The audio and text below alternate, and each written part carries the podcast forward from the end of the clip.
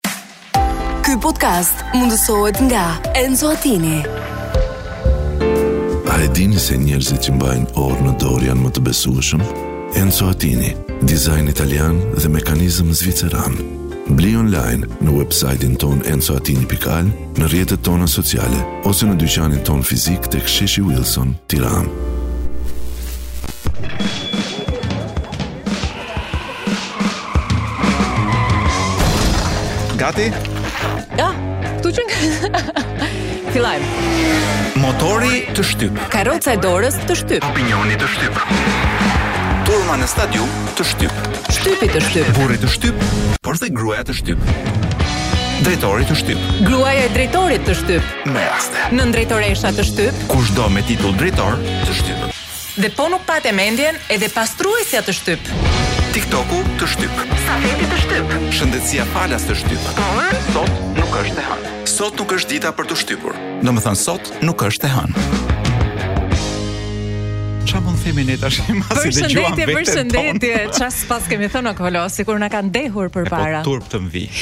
Ky është i vetmi program, në fakt Ky është një program që vendoset në radhën e ligjëratave të gjata të politikanëve që ju mohojnë evidencën. Edhe ne vendosim që çdo të hënë t'ju themi që sot nuk është e hënë. Ashtu dhe.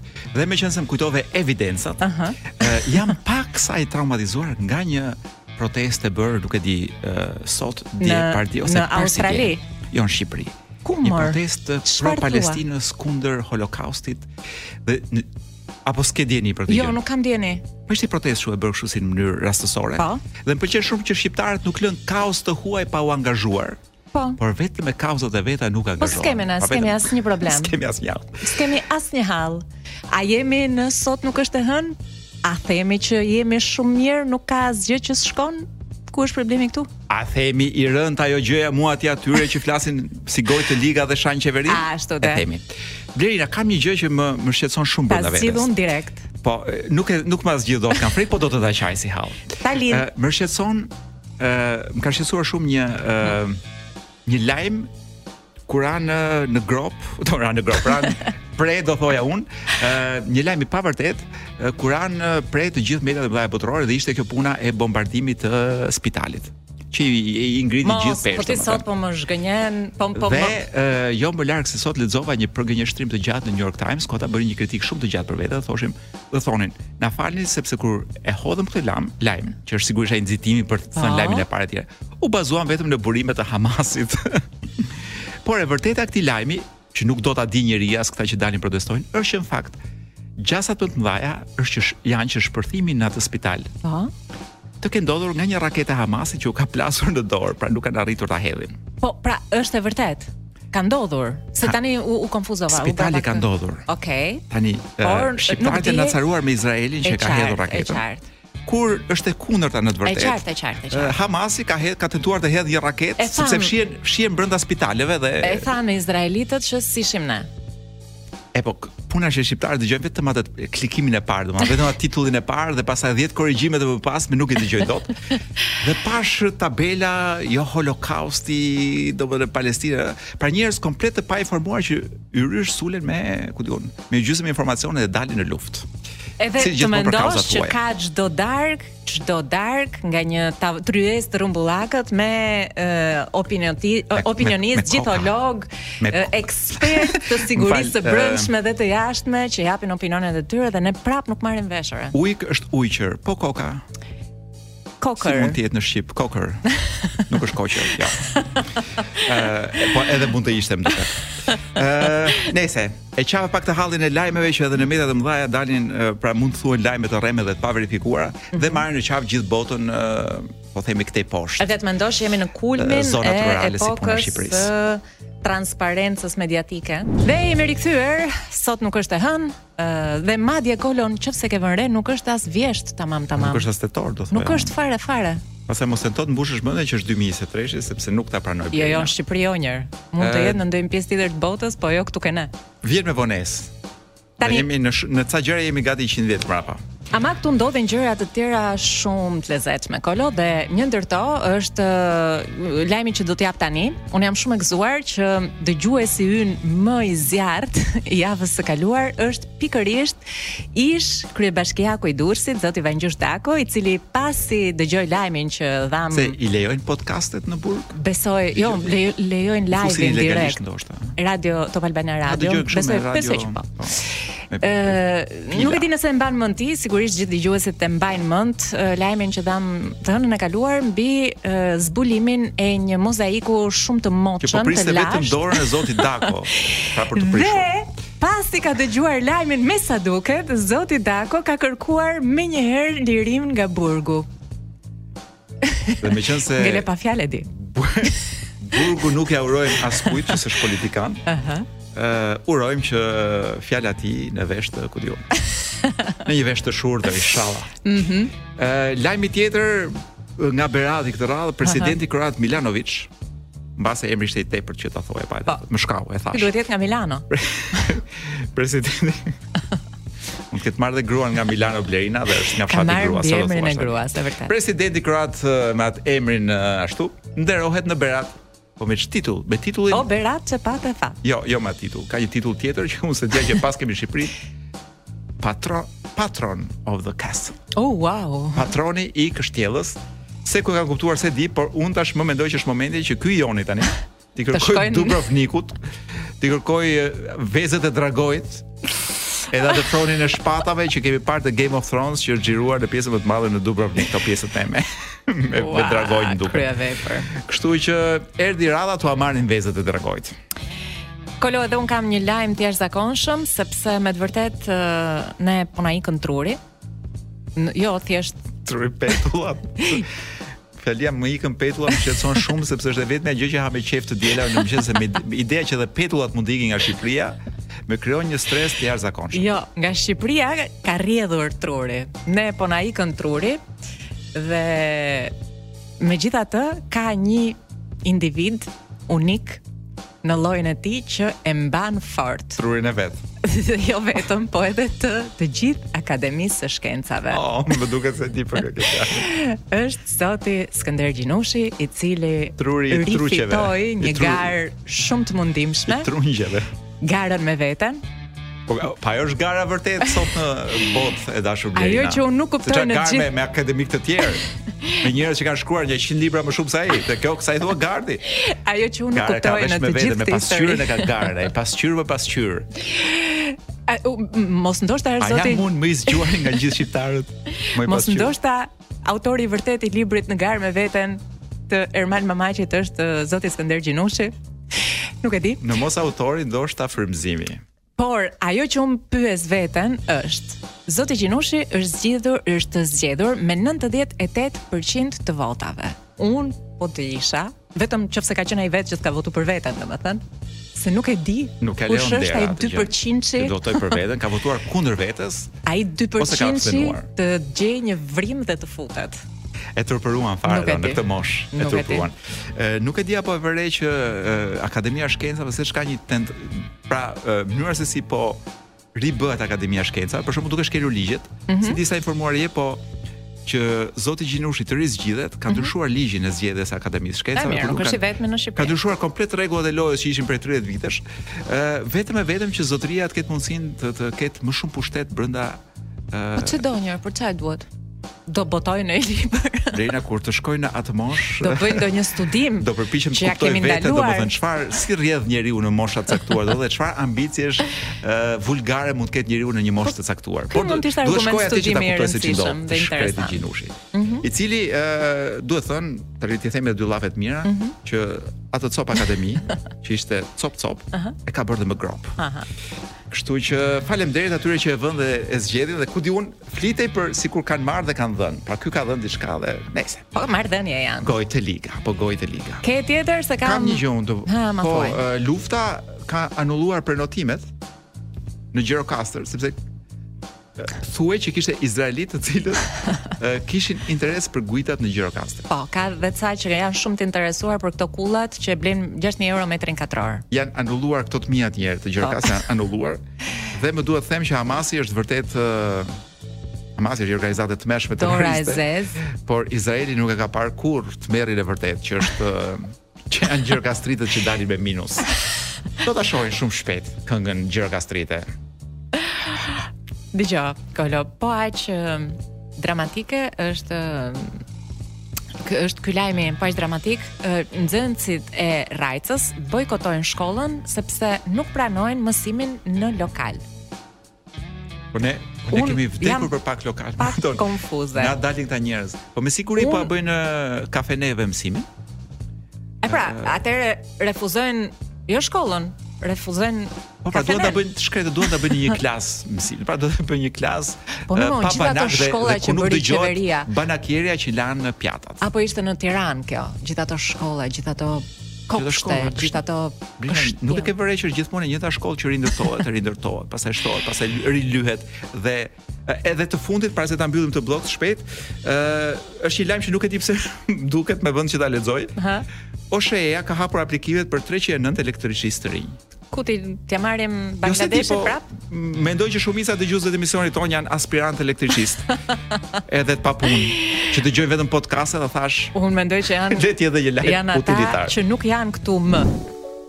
Unë jam pak e tronditur sepse sapo kryeva një krim. uh, vrava një mushkonjë. E cila nuk pati as durim të priste sa dilnim on air. Po, duhet të kisha bërë si live. live po. Kam në duar një libër e dashur Blerina. E di. Dritë e zbehtë mbi kodra nga wow. Kazuo Ishiguro, që është Nobeli i 2017-ës, mm -hmm. ia kanë vënë mu në kopertinë. Është botimet Pegi. Pra ky botim është nga botimet Pegi, përkthyer nga Gentiana Kasemi.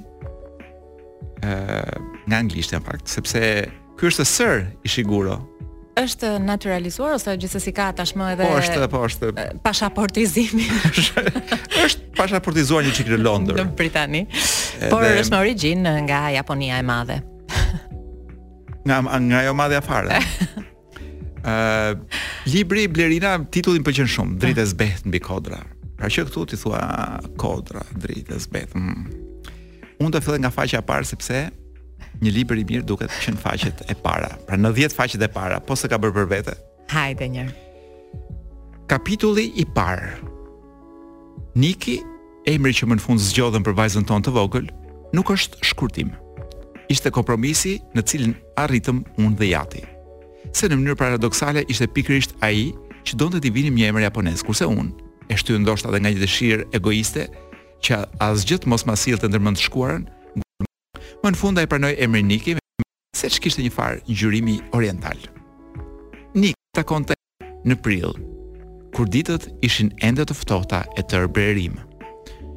Ndoshta kishte parashikuar të qëndronte më gjatë, nuk e di, por shtëpia ime mes fushave e qetësia përreth, sikur e trazuan dhe shpejt e kuptova që mezi priste t'i kthehej jetës së saj në Londër.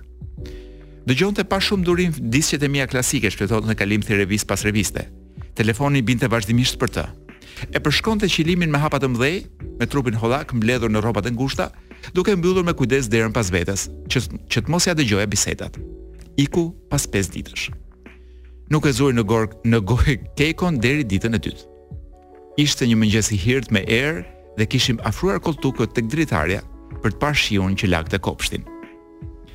Më prisje të vija? pyeti. Në funeral, dua të them. Jo, them të drejtën, nuk të prisja. U trondita kur e mora vesh. U bëra gati të vija. Nuk më shkoi nëpërmend që mund të vije. Askush nuk e dinte çfarë më brente, tha. S'i tregova njeriu. Ndoshta më vinte rëndë, por prapë s'kishin për të më kuptuar. Nga do ta merrnin vesh se ç'ndjeja? Motrat duhet të jenë të lidhura me njëra-tjetrën apo jo? Nuk është e thënë të duhen shumë, po të paktën të jenë të afërta. E pra me ne qe ndryshe. Tani më nuk arrij as t'i kujtoj fytyrën. E po kishit shumë kohë pa u parë. Mbaj mend që bënte ç'bënte e arrinte të ma prishte qejfin. Ja, vetëm ky kujtim më ka mbetur prej saj. Por prapë vuajta kur e mora vesh. Ndoshta nuk qe vetëm qetësia që shtyu time bijë të kthehej në Londër. Ndonëse s'e zgjatëm asnjëherë bisedën rreth vdekjes së Keikos, mendimi për të nuk na largohej. Qëndronte mbi ne pezull sa herë hapnim gojën. Keikoja, ndryshe nga Niki, ishte japoneze vërtet dhe më tepër se një gazetë dhe më tepër se një gazetë u ngut ta nënvizonte këtë fakt. Këtë fakt. Anglezëve u pëlqen të besojnë që raca jonë ka një instinkt të lindur për vetëvrasje, ndaj ndoshta e gjykojnë si pa vend shpjegimet e mëtejshme. Ja pse për Kekon u shkrua vetëm kaq, që ishte japoneze dhe që vari veten në dhomën e saj. Mbrëmjen e po asaj dite, teksa rrija në këmbë pranë dritares, me sy të ngulur jashtë, në errësirë, dëgjova Nikin pas meje të më pyeste. Çfarë po mendon mama? Ishte ulur me këmbët shtrirë anësh në divan dhe mbante një libër me kapak të hollë mbi gjunjë. Po mendoja për dikë, për një grua që kam njohur një herë një kohë. Dikush me cilin njiheshe kur, para se të vije në Angli. E kam njohur kur banoja në Nagasaki, nëse deshe të thoshe këtë. Ajo vazhdonte të mos m'i ndante sytë, ndaj shtova. Shumë kohë më parë, para se të njihja tët atë. U duk e kënaqur dhe duke thënë diçka nëpër dhëmbë, u zhyt në leximin e librit të saj. Niki është një fëmijë që shpreh dashurinë në mënyra nga më të ndryshmet. Nuk kishte ardhur tek unë vetëm për të parë se si nuk kishte ardhur tek unë vetëm për të parë se si po e përballoja vdekjen e Kekos. Ishte aty me një mision të veçantë. Vitet e fundit i kishte marrë ca si shumë për zemër disa gjëra nga e kaluara ime. ndaj donte të më mbushte mendjen që asgjë s'kishte ndryshuar. Që s'kishte pse të më brente ndërgjegjja për vendimet që pata marrë një herë një kohë. Me pak fjalë, të më çlironte nga frika se mos vdekja e Kekos kishte ndodhur për fajin tim. Nuk kam dëshirë të flas për Kekon tani, nuk është se do të gjeja ndonjëfarë ngushëllimi. E përmenda vetëm ngaqë këto, ngaqë këto qenë rrethanat e ardhjes së Nikit atë prill dhe sepse pikërisht gjatë asaj vizite më erdhi sërish ndër mend pas një kohe të gjatë Sashikoja. Ku Sashikoja është emër. Sigurisht. Nuk e njoha kurrë plotësisht Sashikon. Sashikoja qenka pra, mm -hmm. sa mhm. shikoja. Nuk e njoha kurrë plotësisht se lexohej si Gjergj Kastrioti. e, nuk e njoha kurrë plotësisht Sashikon. Në fakt, miqësia jonë nuk zgjati veçse disa javë, gjatë një vere të shumë viteve më parë. Më e keqja kishte kaluar tanimë. Ushtarët amerikanë qenë të panumërt si gjithmonë, ngaqë luftohej në Kore, por në Nagasaki, pas gjithë asaj që pati ndodhur, ishte kohë qetësie e rimëkëmbjeje. Kudo ndihej, pra kjo është futur tek kujtimet e veta për njohjen me Sashikon. Kudo ndihej një atmosferë ndryshimesh. Unë e im shoq jetonim në një zonë në lindje të qytetit, jo larg nga qendra, po të merrje tramvajin. Aty pranë rridhte një lum, e nga sa kisha dëgjuar, në bregun e tij para luftës ngrihej një fshat i vogël. Por më pas kishte rënë bomba dhe gjithçka kishte mbetur, ë dhe gjithçka kishte mbetur ishin veç gërmadhat e karbonizuara. Kishte filluar rindërtimi e me kalimin e kohës qenë ngrit qenë ngritur Katër godina prej betoni, secila me rreth 40 apartamente të veçanta. Prej të katrave, godina jonë qe ndërtuar e fundit dhe shënonte cakun ku programi i rindërtimit kishte ndalur. Mes nesh dhe lumit shtrihej një djerrinë e gjerë, ca akra tokë me, me baltë të tharë dhe gropa. Shumë ankoheshin që mjedisi përreth ishte i dëmshëm për shëndetin e në fakt edhe impianti i ujërave të zeza ishte si mos më keq. Por sa, do kjo Japonia e përshkruar shumë po më fuste një një një ankth. Ë uh, her pas here dukeshin andej pari nëpunës që bënin matje e mbanin shënime nëpër blloqe. Por muajt kalonin, asgjë nuk ndodhte. Si të ishim në Lushnjë. Dhe mos më thoj që Lushnja s'të kujton pak Nagasakin e mbas bombës. Banorët e godinave ishin si ne, çifte të sapomartuara me burrat në punë të mira nëpër ndërmarrje që zgjeroheshin. E të tjera, e të tjera Blerina. Bukur. Ë, më duhet të them që ky është libri i parë i Kazuo Ishiguros, që është mm -hmm. nobelist. Po që ne kemi botuar të fundit. se ka dhe më duket janë dy tre libra të tjerë të Ishiguros të botuar.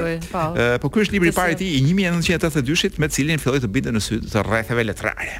Po Bukur. Mua m'pëlqen shumë ky rrëfimi linear. që nuk ka asnjë lloj emocioni as pozitiv as negativ, është një është diçka, domethënë që qëndron e mban veten mirë. Është siç duhet të jetë një grua. Pra një, një grua kur vjen në shtëpinë tënde dhe fillon të tregon histori se takova këtë e se bëra. Ja, kështu duhet të tregojë si Ishiguro, si personazhi i Ishiguros te ky libër. Dritë e zbehtë mbi kodra e gjeni në çdo librari, mendoj unë. Po, me një shumë modeste prej një mijë lekësh të reja. Do ta vazhdojmë javën që vjen, të hënën që vjen. Ndërkohë do të shkëputemi me një tjetër këngë How Cold Love Is. Sa e ftohtë është më? Sa e ftohtë është dashuria? Për momentin nuk është aq e ftohtë. sepse kemi qëlluar në një në një stinë pas stine. S'merret vesh ka mbaruar, mbaroi kjo verë apo s'mbaroi? Ishin 25 gradë sot. Jemi rikthyer përsë uh, Kolot, të lutem, vër kufjet, bëhu serioz. Nuk e di ç'kërkon aty, Unë në fakt po lexoja lajme. Po. Ëh, dhe isha tek 10% i vajzave që nuk e ndjekin shkollën në vendin tonë, por po nuk besoj që është një arsye, pa ka thënë. Po shkolla i ndjek ato? institucioni im i preferuar, Instati. Uh -huh. Por ndjekin Instagramin, kështu që nuk ka asnjë arsye për t'u shqetësuar. Ëh. Uh -huh. Pra diçka ndjekin. Dhe siç kanë ardhur punët, këto shembuj të Instagramit janë janë të vetë të vetmi shembuj që tregojnë vërtet se si bëhen para në këtë vend. Shiko, nga ky um, instituti yt uh, po e kemi thënë këtë që po. Jo, desha të të, të gëzoja me një tjetër instituti po, i po, po, zemrës derisa derisa të rrëmbeu Akademia e Shkencave dhe Arteve. Unë desha të them që më në fund uh, policia e shtetit ka realizuar uh, besoj misionin e jetës. Um, një operacion të jashtëzakonshëm Kan kapur ndonjë lypës, ndonjë prostitutë poshtë urës? Kan kapur me 20000 lekë të shkreta. Kan kapur dy qytetarë që transportonin dru të paligjshëm. në krah, në shpinë, me gomar. Nuk e di. Janë proceduar dy autorët, nuk besoj se i do emrat, se duhet shkoj të hap lajmin tani që ta gjej. Jo, por... është më vjen shumë mirë që policia sa herë që ka nevojë të duket sikur bën punë gjen ndonjë në një të lodhur kështu domethënë. Për shembull kur duan të tregojnë që luftohet prostitucioni, shkojnë kapin po po themi nivelin më të ulët të prostitutave që janë që të shkreta shkojnë për 5000 lekë të vjetra, që është një gjë pra si si çmim them un, më duket një çmim komplet jashtë realitetit, pa kaq të vuajtura janë. Policia shkon i kap i nxjerr emrin, ku di un nuk e di i degradon dhe i degjeneron në mënyrë totale ndërkohë që këtu jemi nga do që kthehemi ke vetëm vetëm prostitucion të nivelit të lartë prostitucion kullash si me thënë exact. kemi oh, prostitucioni oh, flasim... është është si kullat po për kullat do flasim pak më flasim gjerë e gjatë për kullat uh, meqense jo po un jam po, i shqetësuar pak për këto për për vajzat që nuk ndjekin shkollën Blerina oh, sepse Të shkreta. Për humorit. Po. Ë bëhet fjalë për vajza për 8 vjeçare. Ah. Por nuk ndjekin as 8 vjeçaren tashmë. Arsimin e detyruar. Po sigurisht se 9 vjeçare, kjo ka disa vite. Të të lartin tash. Tutje shumë. S'ka. Është shumë i lart. nuk kapet. nuk kapet dot. Ë dhe është një një numër shumë i lart dhe janë vajza, ky është problemi, janë vajza. Pra është Mbase janë ato që bëjnë shkollën në lokal? Jo mo janë uh, vajza të gjitha formave, i bëjnë herë bëjnë lokale, herë bëjnë në, në duke bër punë të shtëpisë, të shkretat herë mbjellin, herë ku di un nxjerrin lopët. Nuk janë ato të rrajcës, domethënë, që nuk kanë ku të bëjnë mësim. Jo, jo, ato të rrajcës janë në pararojë të krahut kundërt, okay. që duan të bëjnë mësim. Unë okay. po them që vajzat hiqen janë hequr nga shkolla sepse ë me sa duket shkollimi edhe ai baziku në Shqipëri konsiderohet një luks i panevojshëm për një pjesë popullsisë. Aha. Tani a është shqetësuar njeri për këto shifra?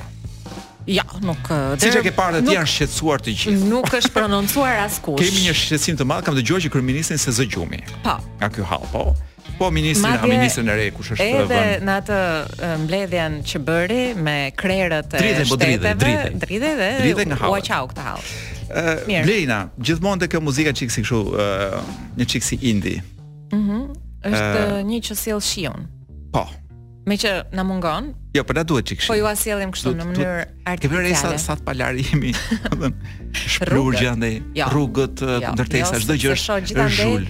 Ë punonjës me jelek portokalli që fshin dhe bëjnë foto. Ty të duket portokalli. Ke pyetur çfarë ngjyrë origjinale kishte jeleku i tyre? Ky podcast mundësohet nga Enzo Attini. A e dini se njerëzit që mbajnë orë në dorë janë më të besueshëm?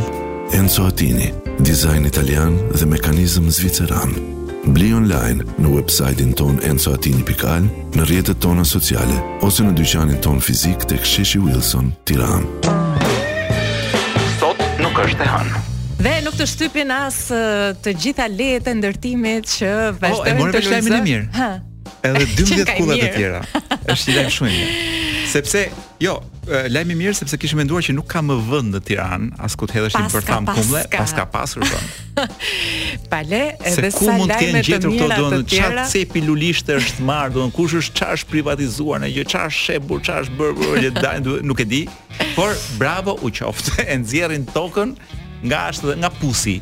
Un uh, them që ne do të do të na duhet të rrojmë dhe do rrojmë Kolo, do rrojmë edhe një 100 vjet tjera që të shohim mbas një 50 vjetësh abuzimet që sot po bëhen me këtë ë uh, me këtë fakt.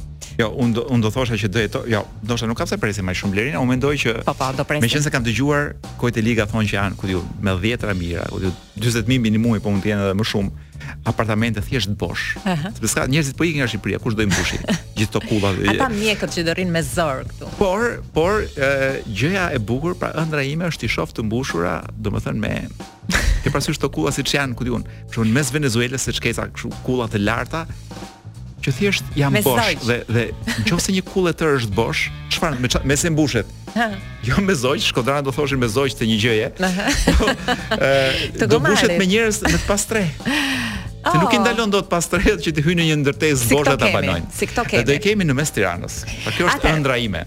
Por por të shohim anën pozitive të këtyre kullave. atë që e ka parë bashkë me ne edhe Florenci, ë uh, duke imagjinuar se si mund të jetë e ardhmja. Shkrimtari i emisionit tonë Florenc Zerllari. Jemi munduar të kuptojmë si do të jetë kjo e ardhme uh, jo dhe shumë e largët në Tiranën tonë të kullave. Kështu që 10 profesione të reja që do të krijohen në Tiranën e kullave të së ardhmes së afërt mund të jenë si vijon. Një profesion fantastik do të ishte ai i DJ-it të ashensorit, që përveç se luan muzikë, të jep numrat e vajzave single që jetojnë në një kullë, nëse shto, shtyp butonin përkatës. Uh, një diçka tjetër, pra një profesion i ri që mund të lindë, janë kuratorët e kalimtarëve. Uh, ç'janë këta, Kolo? Këta janë, po, kurator, kuratorët e kalimtarëve që zakonisht janë bodyguardët edhe pronarët, ë lejojnë të kalojnë poshtë kullave vetëm njerëz që shkojnë estetikisht me shijet e kuratorit.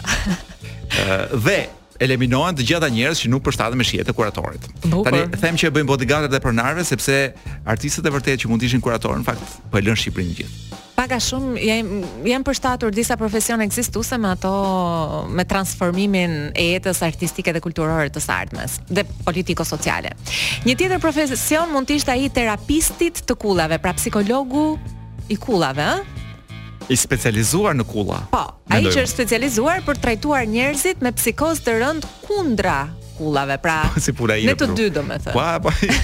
Pra një terapist për ne, pra. Eksakt. Terapistë të cilët janë shkolluar apostafat vetëm për ata që për ta hequr atë kullo kullofobinë që kemi kot. Pra ne ne të sëmurët mas gjelbërimit për të na shëruar kjo sëmundje po. e tmerrshme. Dhe për ta bërë dëshira për pak lulishte. Të blem një kullë, një apartament në një kullë.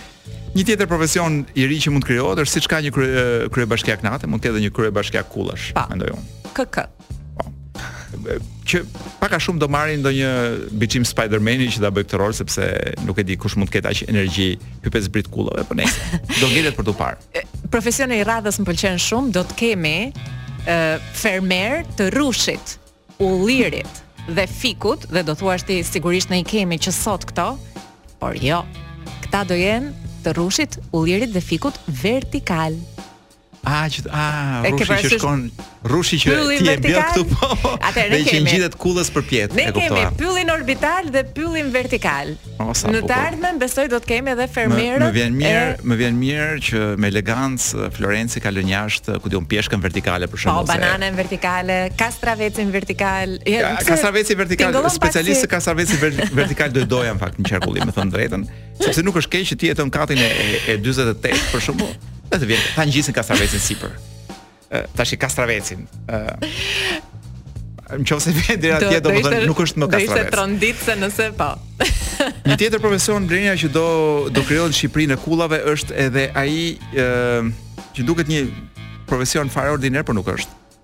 janë njerëz që numërojnë në mënyrë digjitale, pra janë teknik, teknicien, teknik, të cilët numërojnë në mënyrë digjitale paratë cash. Wow. Me të cilat blerë apartamentet.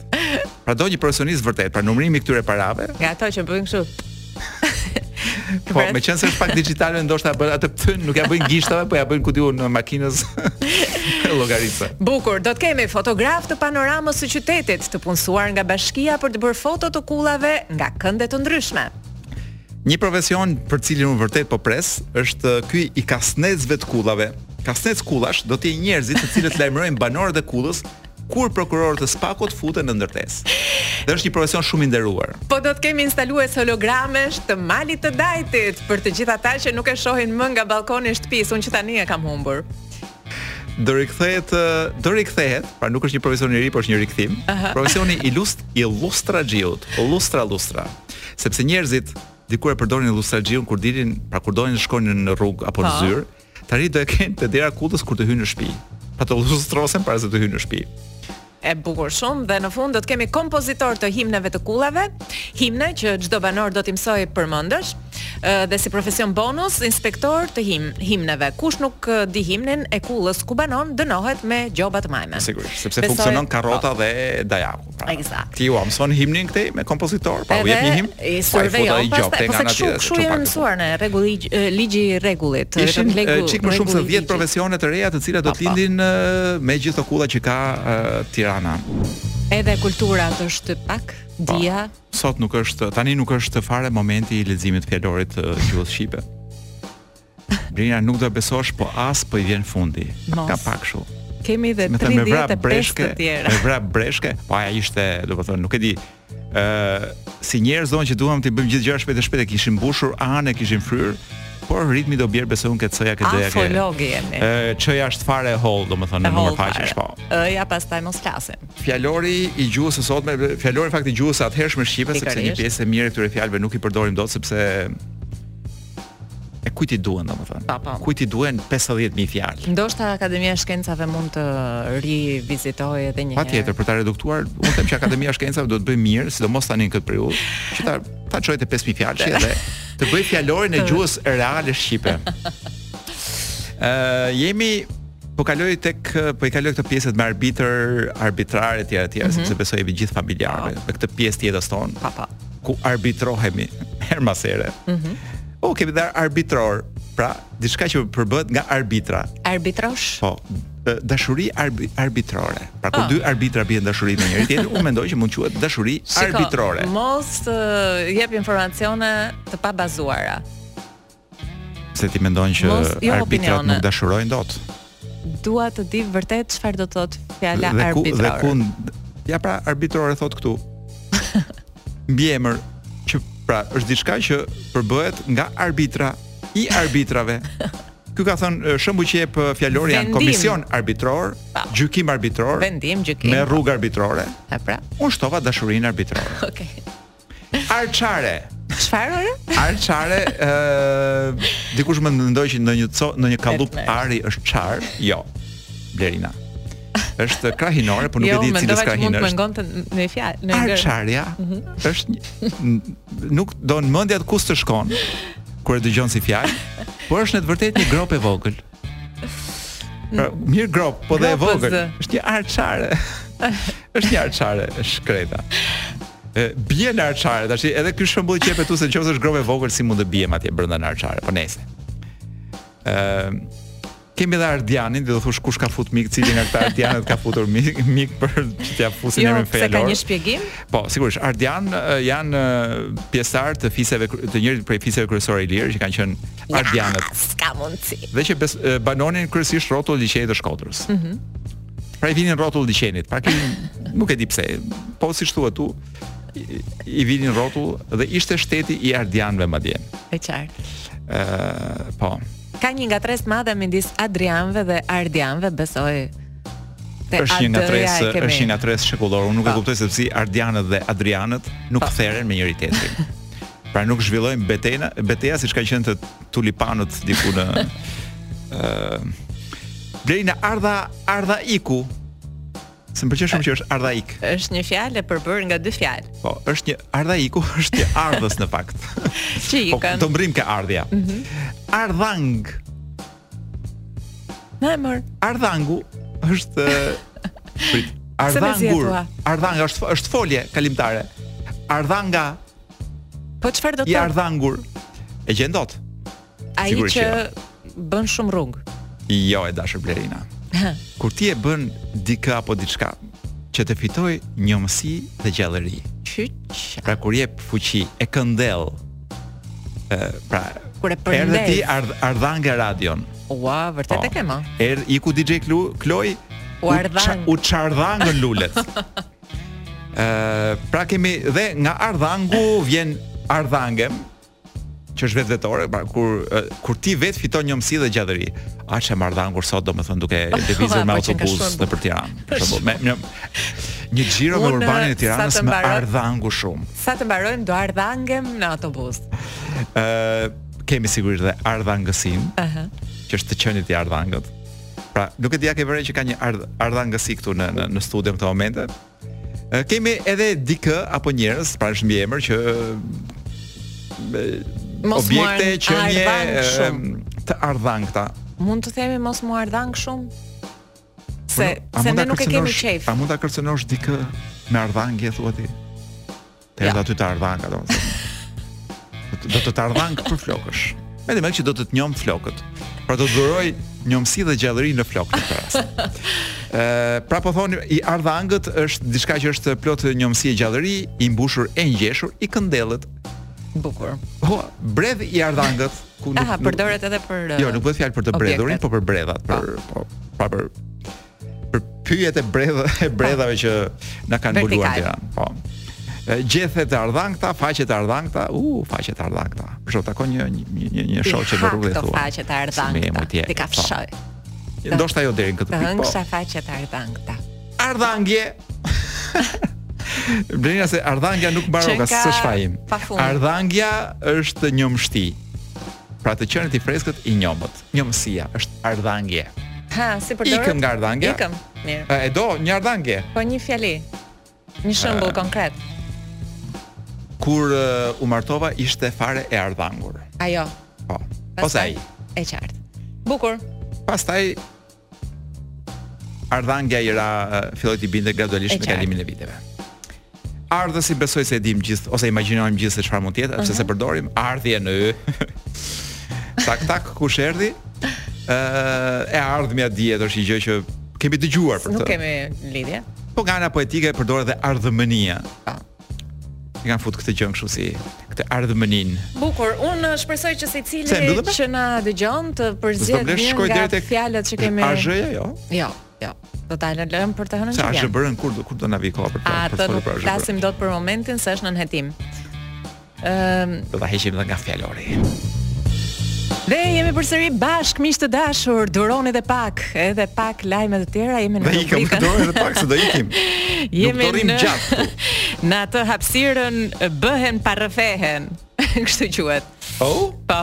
Kjo është ajo fikse, po. hapësira, po.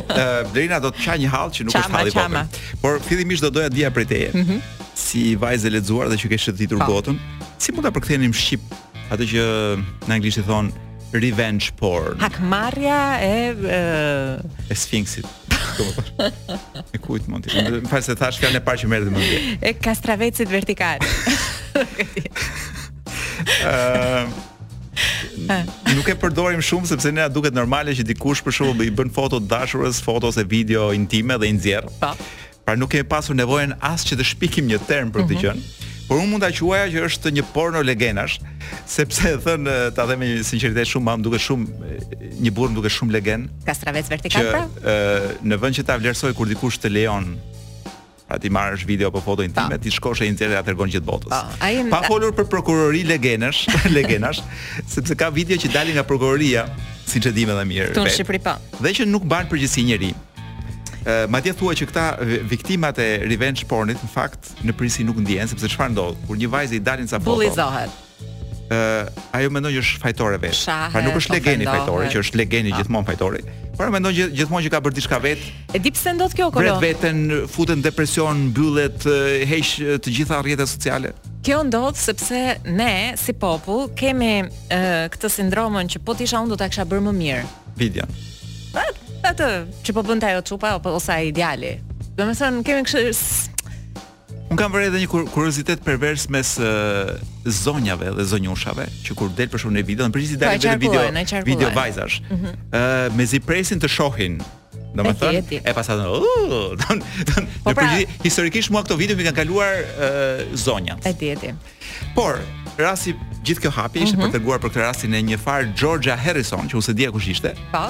Kjo paska qenë Tashmë e din gjithë. jo, po, po po ta kërkosh në internet të del kjo ka qenë në këto në disa um, prej reality show-ve britanikë, mm -hmm. në Love Island dhe ku di unë në ca të tjera. Po jo, nga këto personalitet celebritet nga këto të të, mm -hmm. të reality show. ë e cila gjatë pandemisë kishte një komshi njëri, një ish të dashur. Po. ë me të cilin prej vetmisë a ku di unë se çfarë vendos Patjetër. të kalojë një natë. Pra e fton ai kështu dhe kalojnë Me shumë. tampon? Si mçeftas domethënë merr një që njëri me E një batanie me tampon- vete. tamponin. Nga kati i tretë në të katërt në- më duket se s'kishte tampona në mes. Se po të kish pas tampona ndoshta nuk do kishin përfunduar këtu ku arritëm. kryen marrëdhënie seksuale. Po. Kjo befasohet që ai sikur ishte si edhe si çuditshme. Po. Domethënë nuk i rrinte mirë kamera aty. Ishte sikur performonte ti. Ky ndërkohë po filmonte fshehurazi këtë. Pra. Kjo është ideja. Uh, I fikej. Videon ky e bëri publike mbas ca kohësh, uh, kjo u zhyt në depresion, u mbyll e tjera tjera. Mm -hmm. Pra mendoi që kishte faj vetë, gjithë ato gjëra që i ndodhin të rënda. Shumë për këto vajza mendojnë dhe për të për por kjo gjeti forcën që shumë pak e bëjnë uh mhm. -huh. për ta çuar në gjykatë këtë mhm. zotërinë, i cili jo më larg se sot ka marrë një dënim shembullor dhe është dënuar me ku di unë me ja 2 vjeta, 3 vjet heqje lirie. Dhe më duket më duket pak domethënë për këtë lloj legeni që është në qarkullim jo vetëm Britanie, por edhe lart e poshtë. Kështu pra, ka vende ku Ëh, kjo porno e legenave mund të gjej Por mund të gjejë një zgjidhje pozitive, të thosha unë.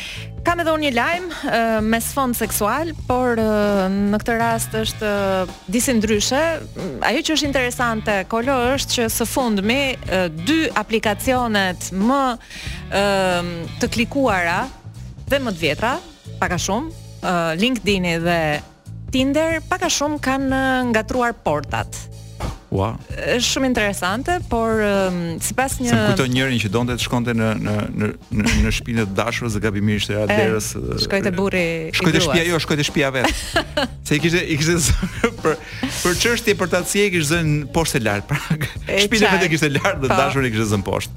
Pra ky ishte ngatrim portash, siç e mendoja unë. Është sikurse e po është pak a shumë e njëjta e njëjta gjë, pra nëse ti je në Tinder dhe po kërkon punë, është më e mundur që të gjesh një partner, ë uh, sidomos po të jesh grua, sepse në fakt ky studim është bërë mbi një kampion prej 1000 grash në Tinder, në më fal, kërkoj ndjesë në LinkedIn, të cilat kanë një, një përqindje shumë e lartë të tyre ka ë uh, thënë se është mikluar shumë shpesh nga mesazhe shefash, me sfond seksual pra. Dhe nga ana tjetër, në Tinder të dëshpëruarit për të kërkuar punë, me sa duket ë në atë intimitet e sipër. Po mos ke hapur, po, mos ke edhe një vend jemi që jemi. Ka digjë më aty. Aty do të punojë edhe mos. Përveç këtij shërbimi. Mos po kërkon ti edhe sekretare përveç se të dashur. Edhe kështu. Lezetshëm u duk. Është është një lajm shumë i mirë. Për ne që kemi që jeta dhe hallet na ka detyruar të përdorim vetëm LinkedIn-in. Dhe nuk kemi nuk e dimë se po çfarë është Tinderi. Po të ka ardhur ndonjë ftesë? S'më ka ardhur mosha Blerina, po nuk kam moshën për. Regjistro në Tinder atë. Nuk kam moshën për Tinder. Por kur të kem nevojë për të gjetur punë sigurisht që te Tinderi do drejtohem sigurisht. Bukur. Tani do të qeras me një gjë. Ua, ç'thua ore? Seriozisht e ke? Po, po, po, thash, pse jo? në këtë kohë që ah, jetojmë një çik e maqazim. Të dua o jetë. Ne të dy nuk të shtypim, po të shtyp Albana Ruçi që Wow! Mos i rëntë makina në dorë. Uh... T'i japësh makinën në dorë se të mori para. A dhe të them unë një kështu nga nga Elbasani, andej kam dëgjuar. Është çike turpshme po. Jo, nuk është e turpshme, jo. Kalojmë këto njerëzit, domethënë nëse në të kalon një vajzë aty, edhe as vizat bardha as gjë, mm. edhe del xhaja mundësisht me Benz 1900. Uh -huh. edhe i tha po kujdes moj vajzë thotë se nuk është burrë që të hipën dhe të zbret prapë, është makinë, po t'hipi nuk të zbret më. Kështu që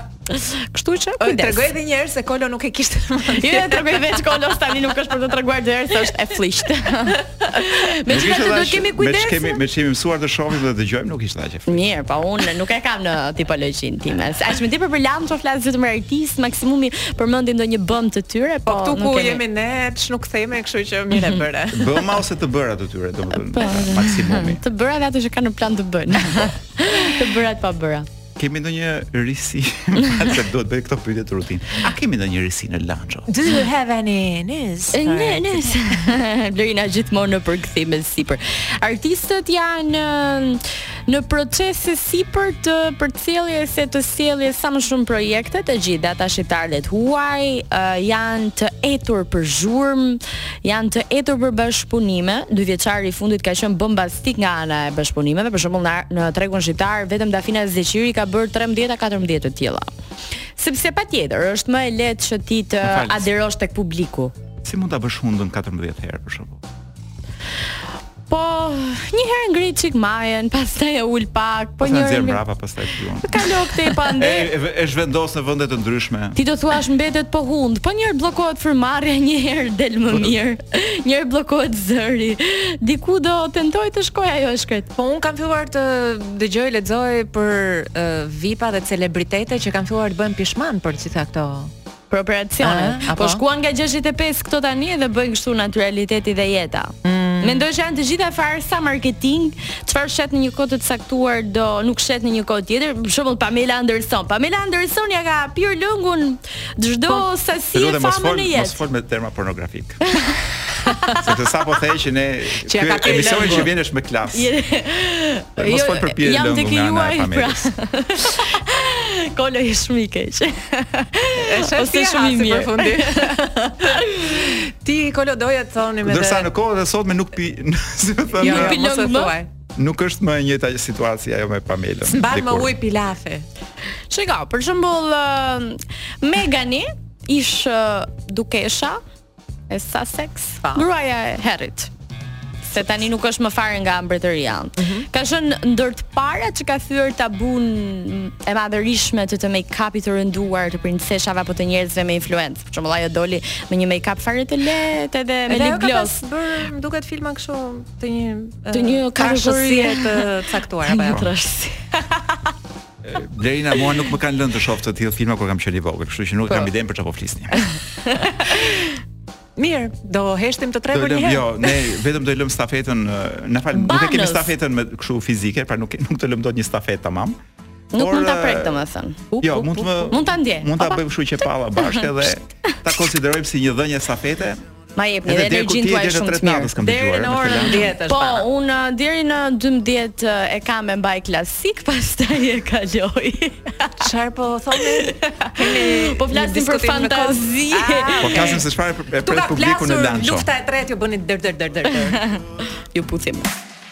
Ky podcast u mundësua nga Enzo Attini. A e dini se njerëzit që mbajnë orë në dorë janë më të besueshëm? Enzo Attini, dizajn italian dhe mekanizëm zviceran. Bli online në website-in tonë enzoattini.al, në rrjetet tona sociale, ose në dyqanin tonë fizik tek sheshi Wilson, Tiranë.